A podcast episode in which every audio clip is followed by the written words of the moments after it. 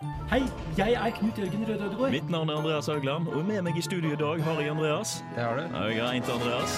Vossafor. Bevegelse i atomer og sånn. Så er det åpenbart. Andreas, fordi vi er best i alt. Vi går videre her, ja. Faktisk. Faktisk, faktisk. Korallrevene.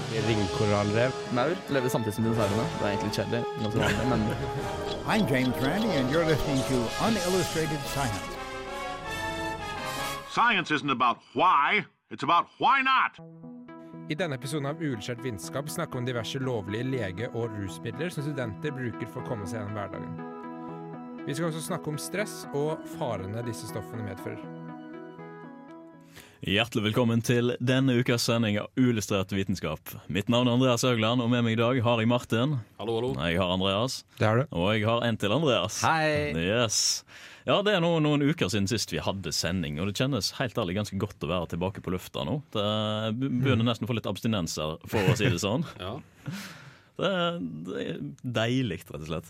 Hva, altså, vi skal nå snakke om i dag i denne sendinga. Vi skal snakke om eh, ikke nødvendigvis legestoffer, men litt grann stoffer som påvirker kroppen og sinnet vårt. eh, eh, og som er veldig aktuelle nå når vi skal inn i eksamensperioden. ja, absolutt. Det er jo eh, de store, fine stoffene, sånn som koffein. Paracet, Amol Ja. Mhm, eh, og andre smertestillende stoffer. mhm. Studenter finner som regel en eller annen måte å i hermetegn ruse seg sjøl for å komme seg gjennom eksamenstida. Ja, det er gjerne, gjerne litt ned på alkoholen og litt opp på uh, per, uh, ja, Mellombar og kaffe. Uh, performance enhancing substanser. Carmex. Carmex, ikke minst. ikke minst. Det, det, er det noe som hjelper for deg? Ja, altså Jeg bruker i hvert fall altfor mye Carmex. Jeg tror jeg har blitt litt avhengig. Altså at det er sånn at Hvis du bruker for mye Carmex, så slutter leppene å produsere fuktighet selv. Ja, Og jeg tror jeg har kommet til det stadiet. Så jeg har brukt eh, Carmex sammenhengende i to måneder. I to måneder. Hm. Kanskje dopingkontrollen kommer til å ta deg for det samme som Johaug? Kanskje det. Kanskje det? det Nei, eh, vi skal videre. Vi skal først, eh, første saken ut i dag er den om nemlig om stress. Men her kommer da 'Hazy Chains of the Mountains' av Orango.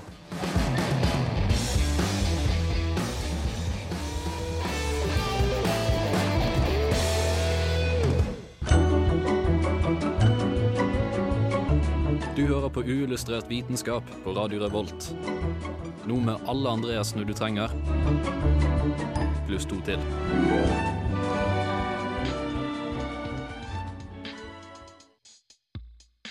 Eksamen nærmer seg med stormskritt, og det blir veldig fort mye å gjøre. Alt arbeidet, lesingen og følelsen av at man ikke får alt gjort, kan veldig ofte føre til stress. Stress er noe som vi alle opplever, og det kan som regel være en sunn ting, men dersom det skjer altfor ofte, kan det få temmelig store konsekvenser. Stress er kobla opp mot instinktene våre, og da spesielt frykt. Mye av det som skjer når man er redd eller overraska, skjer òg når man er stressa.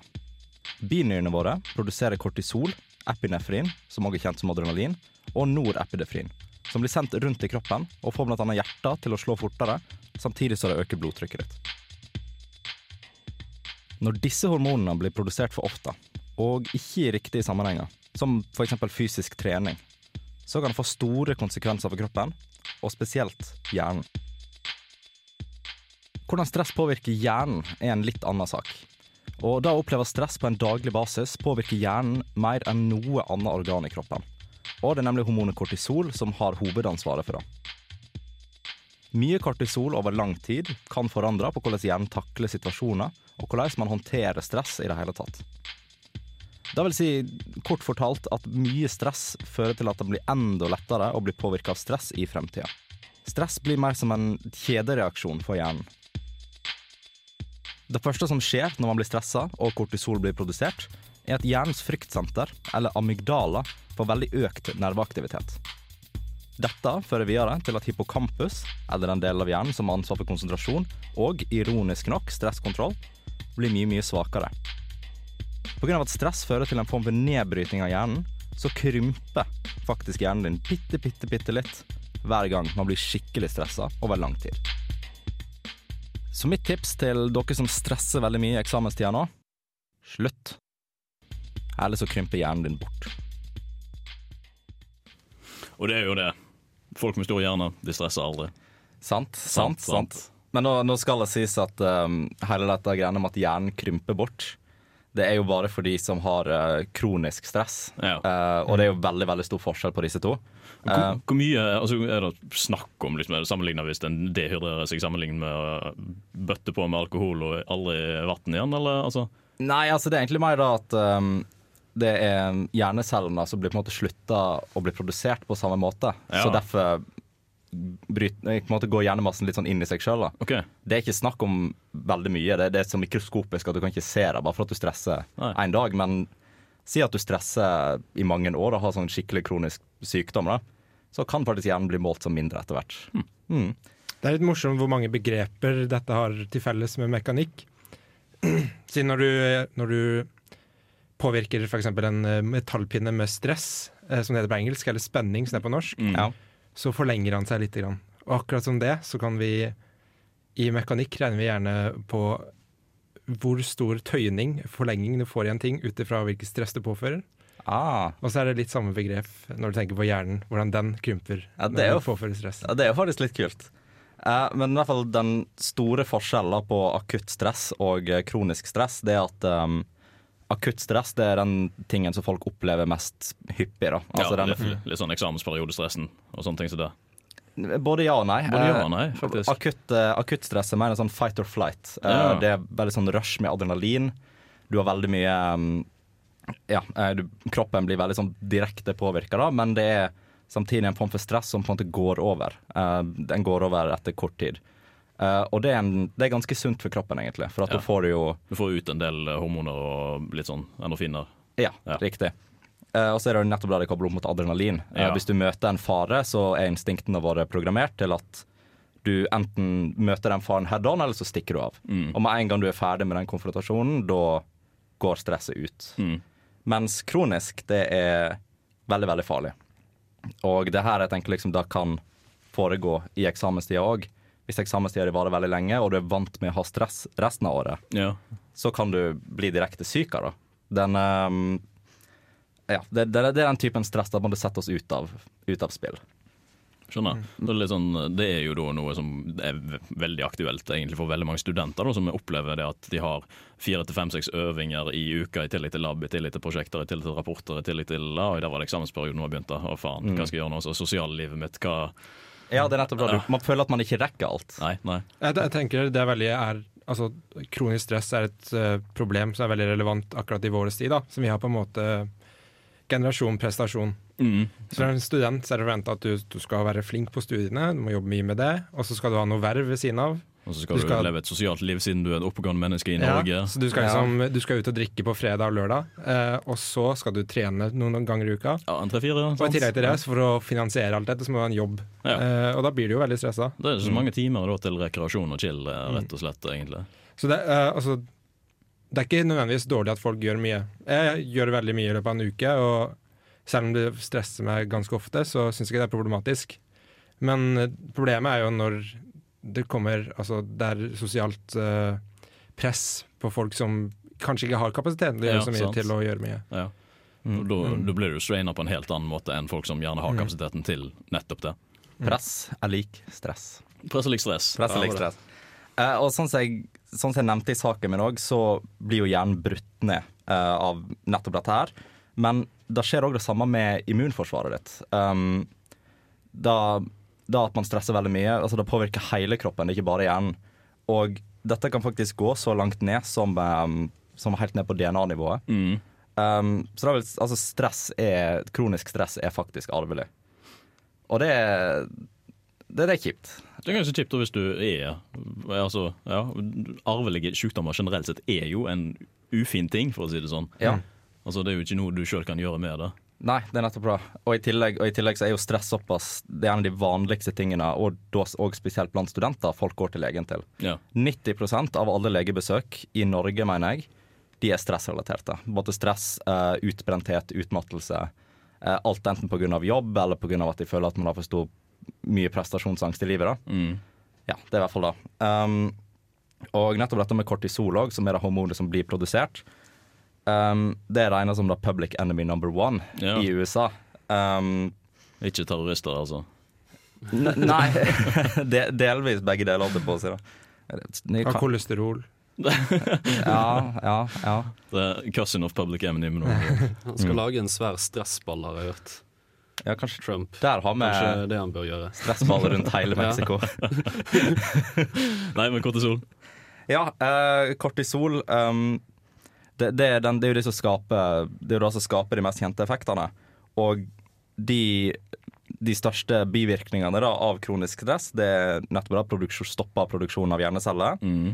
Eh, man glemmer veldig mye.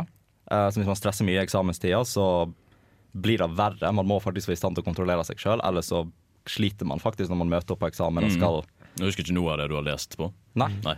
Bare fordi jeg blir stressa. Du får mest- Det, det som å få jernteppe er faktisk ei greie. Ja. Det, det er faktisk sånn. Ja, ja, men så Det betyr jo gjerne at eh, man har en grense. Så det, er- det, du, du blir ikke bedre på eksamen hvis du leser 14 timer hver dag, kontra å lese 8 timer og gjøre det så strukturert som mulig. Mm. Så når du blir trøtt på kvelden, så burde du ikke føle presset for å fortsette. Man burde bare gå hjem og legge seg. Bare, bare gi deg, selv om du ikke nådde de ti ekstra sidene. rett og slett. Mm. Ja, det er nettopp bra. Gå hjem, sov, kom tilbake med friskt mot. Stemmer. Eh, en annen effekt da er for eksempel å trøstespise. Jeg vet ikke om dere kjenner dere igjen i det. Jeg gjør ikke det så mye, men hvis en blir litt stressa Du ser litt lubben ut nå, da. Jeg kan ikke tro at du sa det til meg.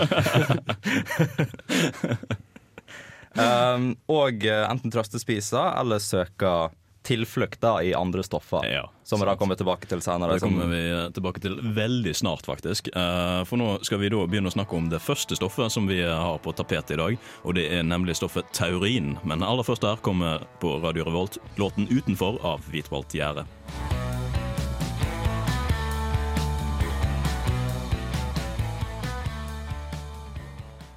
Science isn't about why, it's about why not. Why is so much of our science dangerous? Why not marry safe science if you love it so much? Når morgenkaffen ikke lenger klarer å holde deg gående gjennom tredje gjennomgang av eksamenssettet fra V2011, kan det være fristende å kjøpe en overpriset boks Red Bull eller Burn eller Day and Night eller Battery eller Det er egentlig ikke så viktig hvilken, det viktige er at den inneholder nok koffein. Men ser du litt mer nøye på boksen, så ser du at de reklamerer for at den inneholder et annet mystisk stoff som kalles taurin. Taurin, eller diaminosulfonsyre, er et stoff som kan finnes i gallen til både mennesker og dyr. Og navnet taurin kommer av at stoffet først var oppdaget i gallen til okser. Som de fleste aminosyrer er taurin en byggekloss i proteinet. Og det finnes også store mengder i hjernen, hjertet, hornhinne og enkelte typer blodceller. Man kan i tillegg til energidrikker få i seg taurin gjennom kjøtt og fisk, men det produseres også naturlig i kroppen. Men selv om vi vet at taurin er essensielt i utviklingen av muskler, skjelett, sentralnervesystemet, hornhinner og hjerte, vet vi svært lite om det har noen effekt som kosttilskudd, eller om det er noen negative effekter ved overdrevet inntak. Likevel er det viktig å understreke at et balansert kosthold skal gi kroppen mulighet til å produsere den mengden taurin man trenger, og at å drikke energidrikk kun for å få i seg taurin er en dårlig idé. Du hører på Radio Revolt, studentradioen i Trondheim. Mange takk til Martin og Cave Johnson. Du hører fremdeles på Radio Revolt. Ja, teorien er jo den første substansen vi skal snakke om i dag, utenom eh, stressrelaterte ting. Og Ja. det er jo, En kobler jo dette opp mot energidrinker, spesielt og gjerne mot Red Bull. Altså, Ja. Det står jo i hvert fall på boksene inneholder så og så mye teorien og sånn som det. Ja. Jeg har egentlig ikke skjønt helt, men uh, Ja, hva var det Uh, ja, altså, jeg um, Jeg kan vel si personlig før, da, så fant jeg mye å si, trøst i energidrikker. Eh, og jeg så jo alltid dette her at det sto taurin utenpå. Ja. Men altså, hvor mye, hvor mye taurin er det egentlig i en vanlig, eh, i en vanlig energidrikkboks? I en Red Bull på 250 milliliter så er det ett gram taurin. Eh, Den daglige dosen man helst ikke bør overskride når det gjelder skal vi si, tilskudd, er tre gram. Men eh, kroppen har naturlig i seg skal vi si, ett gram per kilo man veier. Okay. Det, det er trygg mengde. Så det er, jo, det er jo en veldig liten mengde. Så jeg skjønner ikke Jeg fant egentlig ikke noe svar på hvorfor de har taurin i energidrikk. Så eh, altså, når du snakker om aminosyrer, så har vi de kroppen produserer selv, og så de essensielle Ja. aminosyrer, som vi kaller de, som vi trenger tilskudd av. Mm, eh. Og taurin er ikke en essensiell aminosyre, så vidt jeg forstår det. Nei, den produseres i kroppen. Ja. Så Hvorfor de har den i energidrikk, vet jeg ikke. Kanskje det er litt sånn reklametriks. Taurin, blitt litt kjent. Mm, sånn substans som skal være bedre enn koffein, kanskje. Ja, for de har sagt at mengden energidrikk i eh, energi, Eller mengden taurin i energidrikken ja.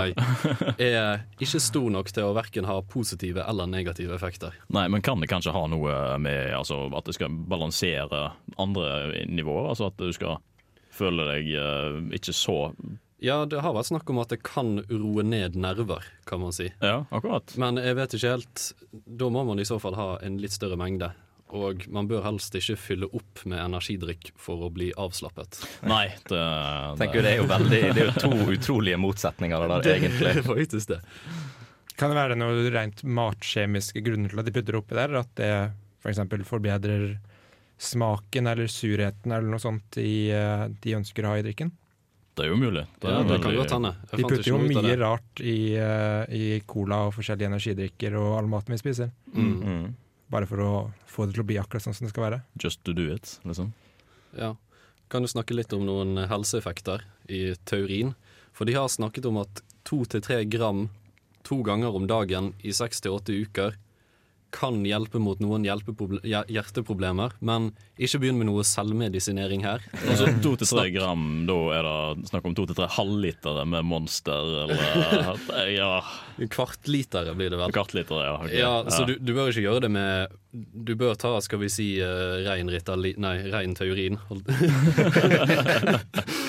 Men uh, du bør kanskje høre med legen først om det faktisk er taurin du bør ta, eller kanskje du bør finne på noe annet, hvis det er det du skal løse. Ja. Uh, eller så har det liten effekt hos spedbarn.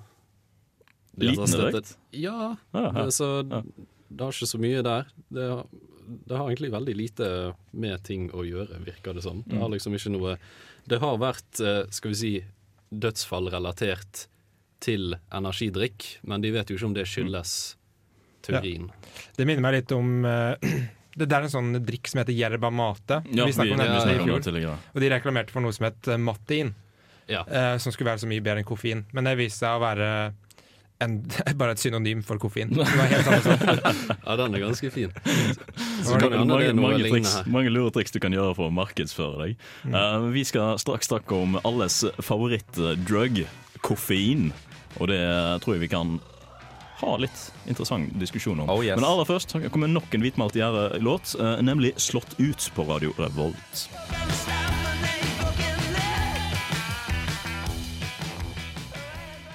Du hører på Radio Revolt, studentradioen i Trondheim. Kaffe. Flytende glede. Liquid energy. Rocket fuel. Koffein. Som en del av et morgenritual, en sosial gest eller rett og slett bare en avhengighet, er det sorte gull noe som garantert har vært involvert i livet ditt. Men er du klar over de effektene det har på kroppen din, og hva koffein egentlig gjør med deg? Bortsett fra at det er digg, da. Både kaffe og te kommer fra planter, da te blader fra tebusken, og kaffe kommer fra bønner fra kaffebusken. Drinken ble introdusert i Norge på slutten av 1600-tallet, men det skulle ta nesten 200 år før det ble oppdaget koffein i kaffebønner. Koffein ble derimot beskrevet kjemisk så seint som rundt 1900-tallet. Stoffet finnes i nært alle energidrikker på markedet nå, samt te og cola, og mengden koffein i det varierer fra drink til drink. Inntak av koffein daglig over tid fører til en økt toleranse for stoffet, og også økte abstinenssymptomer om man skulle brått slutte med inntak av koffein. Men hva gjør egentlig koffein med kroppen? Koffein stimulerer sentralnervesystemet og gjør at du føler deg mer våken og konsentrert.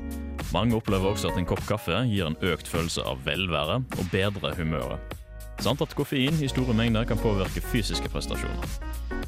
Forskning på medisinske effekter av koffein er stort sett spørrende og vag. Det sies at koffein kan ha en effekt for å motvirke noen typer kreft pga. dets innhold av antioksidanter. Et begrenset inntak av koffein kan ha en beskyttende effekt mot parkinson og demens, samt å beskytte mot hjerteinfarkt.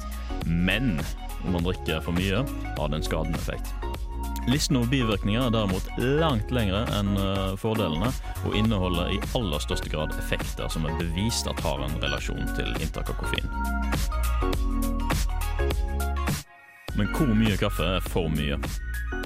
Koffein kan tilsettes i matvarer som en aroma og, eller en aktiv ingrediens.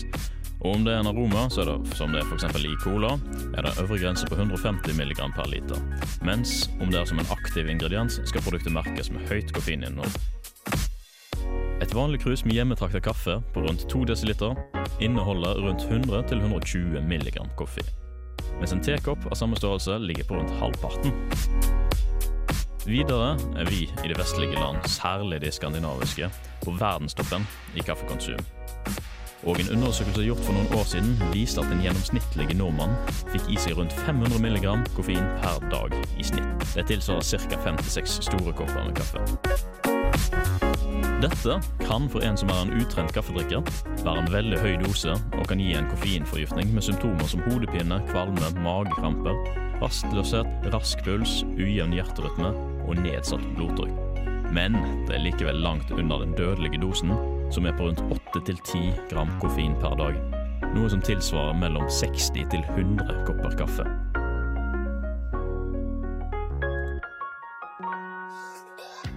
Tyngdekraften. Å ja! Han har jeg hørt om. Galileo Galilei. Det er jo for godt til å være sant. Lars Monsen. Dette setter jeg pris på, ass. Tycho Brahe.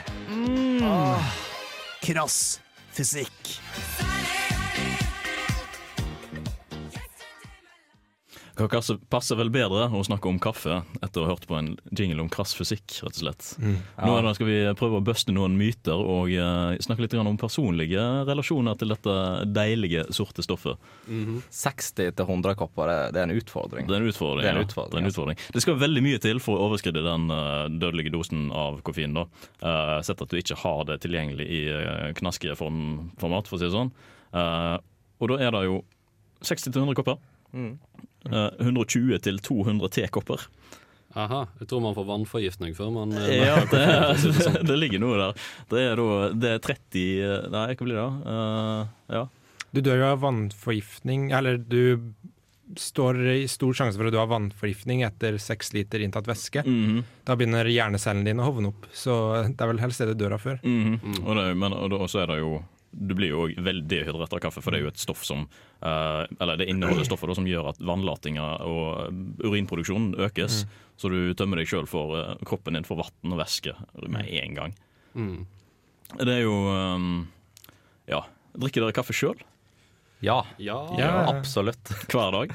Eh, så å si hver dag, i hvert fall. si hver dag. Men, eh, ting, tingen er at det, måte, det har jo skjedd med nordmenn over generasjoner òg, at det har bygd seg opp en slags tradisjon rundt Ja. kaffe. Det er liksom Man trenger ikke nødvendigvis ha kaffe om morgenen, Nei. men pga. måten vi liksom har det er reklamert på, måten vi bare har hatt det opp gjennom tida, så er kaffe liksom om morgenen, og da må du ha en kopp kaffe. Må ha en kopp kaffe for å få kroppen til å funke om morgenen. Ja?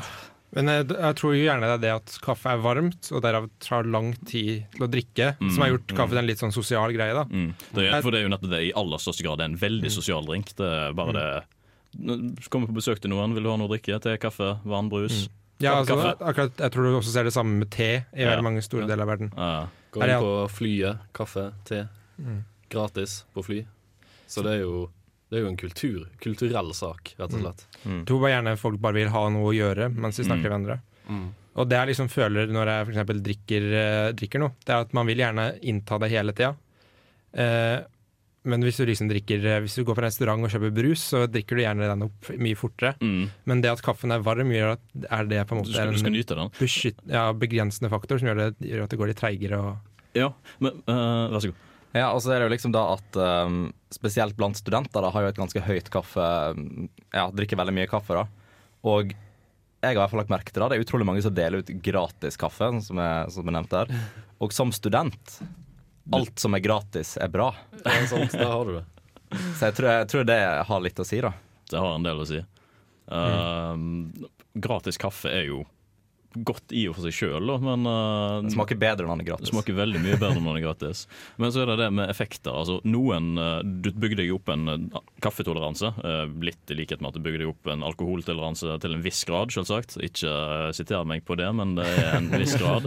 Og det er jo en koffeintoleranse hjelper, gjelder det samme. Hvis du da begynner rolig med én til to kopper dagen og bare bygger deg opp, drikker det jevnt, Så til slutt så vil ikke de en til to koppene ha noe særlig effekt på deg lenger. Mm. Så da må du gjerne uppe dosen med kaffe, og så sitter du der og, og supper to liter kaffe til dagen og har det kjempekjekt. Og Ja, nettopp da, og i tillegg så i hvert fall, I hvert fall sånn som jeg starter å drikke kaffe. da Du bygger opp en slags smakstoleranse òg. Ja. At, og da gjelder jo det samme med øl òg. Når jeg først begynte å drikke kaffe, og sånne ting Så syns jeg det smakte helt utrolig dårlig. Uh, men sånn etter tid så er det bare blitt en så vanlig ting, og at det smaker jo egentlig ingenting. Nei, det, hvis du trekker det riktig. Hvis Ja. du lager det riktig. Hvis du brenner det, så smaker det jo jævlig. Ja, det er sant. Nei, altså, jeg begynte å lage, drikke kaffe med melk, da. Så det var sånn jeg på en måte ble isa inn i det. Ja. Og jeg, jeg gjør fortsatt det om morgenen, da, fordi jeg, har- jeg har ikke tid til å drikke en kopp kaffe om morgenen før jeg går på skolen. Nei, Da må jeg ta en kopp melk oppi. Stå sånn at opp, det blir- stå opp så seint at du akkurat rekker å gå til skolen. Liksom. Ja. Nei, nei, altså, jeg bruker mye tid på morgenen, men eh, jeg har ikke tid til den kaffekoppen der. Altså. Det er under frokosten. Det er helst dusjen som tar lang tid om morgenen. Ja. Se på memes og sånn. Ja. Se på memes i dusjen. Uh, ja, nei, uh, det, men for min del, jeg uh, drikker jo ikke mye kaffe i det hele tatt. Jeg er personen som i perioder, spesielt når jeg er på jobb uh, hjemme om sommeren og feriene, da går det mye kaffe. Men nå når jeg er student, så går det nesten ingenting. Kanskje én kopp eller to om dagen i små perioder, sånn en uke eller to. Og så slutter jeg. Og så tar jeg én kopp, og så blir jeg skikkelig skjelven etter den ene koppen. Og så slutter jeg helt. I, Ja, det, det, det, er jo- det er jo abstinens. og Ja, ja, men tenker, tenker liksom at å, det har vært sykt godt med en kaffekopp, men så tar du koppen, og så sitter du der eh, og bare vibrerer nesten. Så bare gi deg. Altså, jeg føler ikke alltid at jeg, jeg føler ikke at jeg alltid trenger kaffe. Nei. Men jeg drikker alltid kaffe når det er der. Hvis det er på et møterom eller eh, i kollektivet vårt. da. Ja. I år så er det ikke så mange eh, som eh, drikker kaffe. Men eh, i fjor, før en del flytta ut, så var det, var det liksom alltid noe kaffe på kanna i stua. Alltid sistemann satt på ny kaffe. Ja, da satt jeg liksom og drakk jeg kaffe hele dagen. Så da hadde jeg mye høyere toleranse enn nå. da. Pleide å dra på lesesalen i eksamenstida med en, med en hel termos. Ja, såpass. Ja, eh, det var eh, Ja, jeg vet det er mange som gjør det. Mm. Ja, og forelesninger. Jeg har sett det der òg. Termos i forelesninger? Er det sånn uh, Just Dragvoll things, eller? Kan godt hende. Kanskje husker du på Gløshaugen. Man må, man begynne å ta med egne kaffetrakter og trakter ny, ny. Ja, ja, ja, ja, jeg så noe med en presskann i en forelesning. Det var eh, pretensiøst. syns jeg. Kommer du med kapselmaskinen og bare Å, Den lager jo så sinnssykt lyd. Kan invitere jo, han, eh, George Clooney inn òg, bare for å dra det helt ut. Hele bønner. Bare sørge for å få oppmerksomheten til foreleseren først. Du, Jeg må kverne litt grann i sånn 30 sek. Altså, bare fortsett! Skal bare lage litt kaffe. Vil du ha? Ja. Nei, uh, avhengighet, da. Føl, altså, føler dere at dere må ha kaffe? Funker dere uten kaffe? Ja, funker uten kaffe. Uh, men Uansett hvor tidlig du står opp. Ja, men jeg merker at det tidligere jeg står opp, til mer har jeg lyst på kaffe. Ja. Men jeg tror, altså det, det er en placeboeffekt, egentlig. Det var det du nevnte òg tidligere. At det er jo nesten en slags placeboeffekt at du faktisk våkner av kaffe. For det er jo individuelt.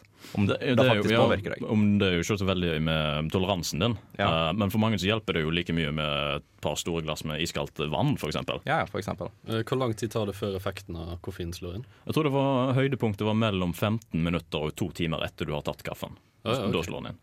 Så det er piken. Jeg tror også nesten det har blitt et sånn meme, eller kult, å si at man trenger kaffe. Å, jeg trenger en kopp kaffe Ja, nå, det er folk som liksom overspiller hele tida. Faen, hvis jeg ikke får kaffe. Jeg, jeg tror mye av det der er fake. Ja.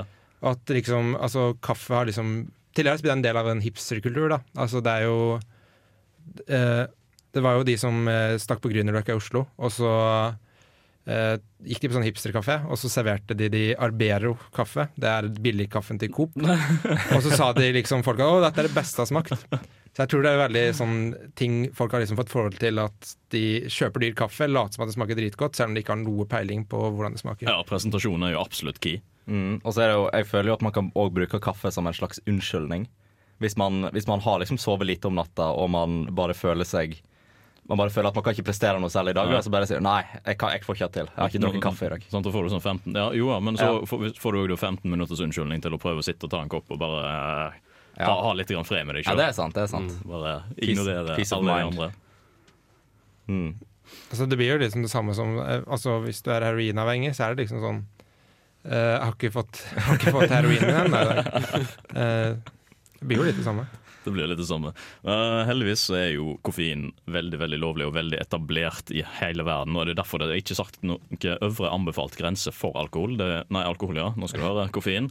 Uh, men det er en dødelig dose for det, så ikke finn på å drikke 60-100 kopper om dagen. Det er topp 10 uillustrert vitenskapstips. Vi skal høre litt om eh, det aller siste substansen som vi skal snakke om i dag, og det er nemlig paracetamol. Men aller først her på Radio Revolt kommer låten 'Fuck Lunch' av nummer fire.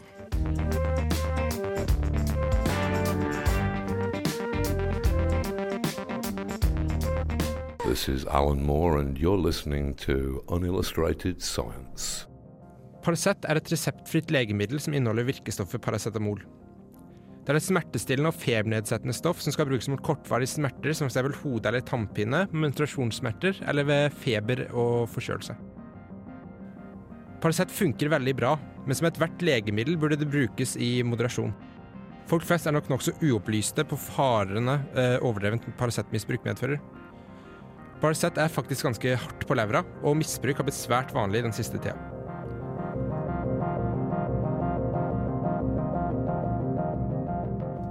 Paracet-forbruket i Norge er nemlig det tredobbelte av hva det var for 25 år siden, og tilsvarer så mye som 80 tabletter per innbygger i året.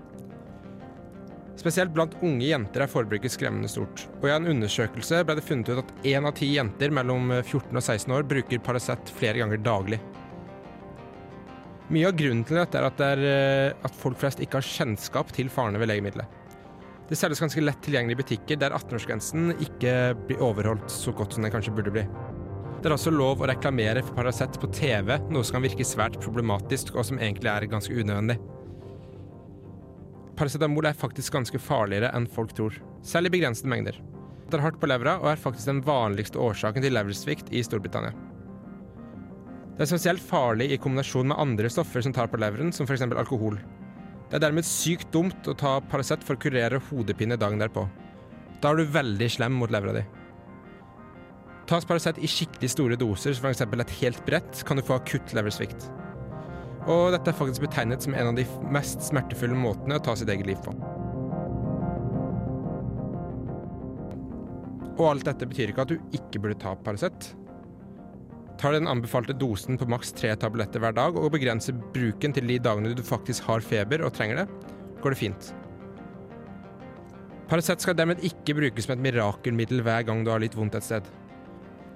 Jeg lover deg at kronisk leverskade er langt mer smertefullt enn hodepine. Scientists, scientists, please. For some order. Some order, please, with the eyes forward and the hands neatly folded and the pang of attention. Pi is exactly. Uillustrert vitenskap. Let's get real, for å si det sånn. Det var, det var en, en, mørk, en mørk historie om dette stoffet her som kanskje ikke så mange var så veldig klar over. Nei. Og det er jo paracetamol. En tenker jo ikke over det i det hele tatt, siden det er så lett tilgjengelig. En får tak i det på butikker, alle har det i hylla si, alle har det i kjøkkenskapet ditt. Mm. Det, hva er farene med det, altså? Hvorfor er det så farlig? Ok, Ja, så det er ikke en akkurat Det er ikke, det er ikke molekylet paracetamol som er farlig for levra. Nei. Det er det som Paracetamol er virkestoffet som hjelper, eh, hjelper kroppen. Eh, men eh, i magen så brytes paracetamol ned til forskjellige ting. Mhm. Et av de er acetaminofen. acetaminophen. Eh, Det funker er annet brukt som et kvalmenedsettende middel eh, for gravide kvinner. Eh, Og fun fact, eh, når jeg hadde organisk kjemi i fjor, så syntetiserte vi acetaminofen fra paracetamol på laben. Ja. Men det er ikke det som er farlig. Det er eh, et eh, stoff som heter NAPQI. Ja, som er forkortelse Ja. for en sånn langt uh, organisk molekyl. Eh, og det som skjer når det stoffet kommer i levra, da, er at uh, når det er begrensede mengder, altså greie mengder av Paracet, så klarer levra å bryte ned. Men får du for mye, så klarer han ikke det. Og det dette stoffet gjør, da, at det reagerer med en viktig antioksidant i levra, eh, og tar den ut av, eh, ut av bruk, da. Eh, som kan begynne å skade særlig levra. Eh, og det som er greia, da, det er at jeg nevner Paracet nå fordi det er det som er det mest vanlige smertestillende stoffet. Mm. Men- Gjelder det for Ibux og sånt? Ja, Ibux e og Paralgin forte er faktisk farligere enn Paracet. Såpass. Ja. Altså, det teite er at du kan ikke kjøpe to brett Paracet i butikken samtidig, men Nei. du kan kjøpe ett brett eh, Paracet og ett brett Ibux samtidig. Ja. Og du dør, du dør eh, like mye hvis du tar eh, ett brett Paracet sammen med et brett Ibux som du dør hvis du tar to brett Paracet, så det er helt unødvendig. Eh, Hvilken dose begynner paracetamol å bli farlig? Eh, Så man begynner å få ganske økt eh, sannsynlighet for leverskade eh, ved fire gram. Og det tilsvarer som ca. åtte tabletter av vanlige eh, 500 mg Paracet-tabletter i løpet av et døgn. Ja. Eh, og denne grensen er jo særlig nedsatt hvis du har dårlig ernæringstilstand, mm. eller du har tatt andre stoffer som er dårlige for levra di, som f.eks. alkohol. Okay. Jeg kan ikke Altså, jeg har jo gjort det selv eh, noen ganger, eh, men det er veldig dårlig for helsa å ta Ja. alkohol Eller ta Paracet dagen derpå. Men det er så fristende. Hvis vi bare får slutt på den skallebanken, bare gi, seg- gi det. Enda dummere er å ta Paracet for å få ned hodepinen, sånn at du kan begynne å drikke. Mm. Da, Ja, da du... virkelig fucker du opp levra di. Over ti gram så får du virkelig stor sjanse for leverskrikt. Eh, og så er det også andre farer over tid. Altså hvis du bruker eh, Hvis du bruker Paracet mye mer enn du skal, kanskje hver dag og sånt, så får du eh, større Altså det er en påskjæring på levra som du får hele tida, som gjør den dårligere og dårligere. Pluss at du kan få utvikle kronisk hodepine. Mm. Og de gangene man ofte ender opp med å ta for store doser eh, Paracet, er når man er syk. Og du tar Paracet over flere dager, og da kan du gjerne overskride den grensen. Da. Mm. Men hva er det egentlig Hva er det som skjer med kroppen uh, når man overdoser? Okay, uh, da, hvis du overdoser skikkelig, du tar kanskje to brett Dette er jo faktisk en veldig vanlig selvmordsmetode, eh, Mm. spesielt blant unge kvinner. Eh, det er at du merker ikke noe Eller du har kanskje mildt smerte den første kvelden du tar det. Og så kanskje dagen etterpå, eller dagen etterpå det igjen, føler du ingenting. Eh, og så har du kanskje bestemt at du angrer på selvmordet. Og så kommer du til dag fire, og så får du akutt leversvikt, og levra di slutter å funke fullstendig. Som går videre til alle andre systemer i kroppen som begynner å funke dårligere. Altså, ja, sånn levra slutter å funke, så slutter jo alt annet å funke. Og alt i det, hele kroppen din, slutter å funke, og du føler smerte overalt. Er bare shutdown, systematisk shutdown av Ja. alle organer. Så det som er viktig, da, hvis du, hvis du vet at du har fått for mye Paracet, det er at hvis du kommer før Altså, da må du ikke tenke at selv om det ikke gjør vondt enda, at du er safe. Det er viktig å komme seg til sykehus uansett, fordi Mm. leverskadene kommer alltid litt forsinka senere. Mm, riktig. Ja, eh, det er jo det. Hold dere til det som er anbefalt doser. Mm. Vi skal nå høre kveldens, ja, sendingens nest siste låt, som er da allerede av Arif, før vi skal runde av sendingen. Dette er jo da semesterets siste sending. Eh, Vi håper selvsagt at dere hører mer på oss. Jeg er Aksel Tidemann. Jeg jobber som forsker på kunstig intelligens ved Telenor Research, og du hører på uillustrert vitenskap. Ja, og det var det vi hadde i dagens sending. Jeg håper dere har nytt det som vi har pratet om. og det, Vi kunne jo selvsagt funnet langt flere substanser som eh, studenter bruker i, eh, som studiefremhevende midler. for å si det sånn. Alkohol Nei, det er ikke studiefremhevende midler. Det spørs helt hvordan du bruker det. Det blir gøyere å lese med eh, Ja, det er sant, enn sant. etter to. Ja, eh, og det er jo Dette er semesterets siste sending. Vi Mhm. drar på sommerferie like etter eksamensperioden, selvsagt. For den begynner nå. Eh, så vi skal lese som bare juling. Stresse? Stresse? Yes. Nei, det skal vi ikke. Vi, eh, Vi skal- vi ikke stresse. vi, får, vi skal drikke nok kaffe Ja. til å holde oss rolige. Og ta Paracet hvis vi får vondt i hodet. Ja. Eh, dere finner jo podkaster på iTunes. Gi oss en lik på Facebook, og send oss inn meldinger på samme Facebook-side for å sende spørsmål til oss. For det blir vi veldig glad for, for nå kan vi snakke om det på lufta. Yeah. Etter sommeren. Etter sommeren, selvsagt.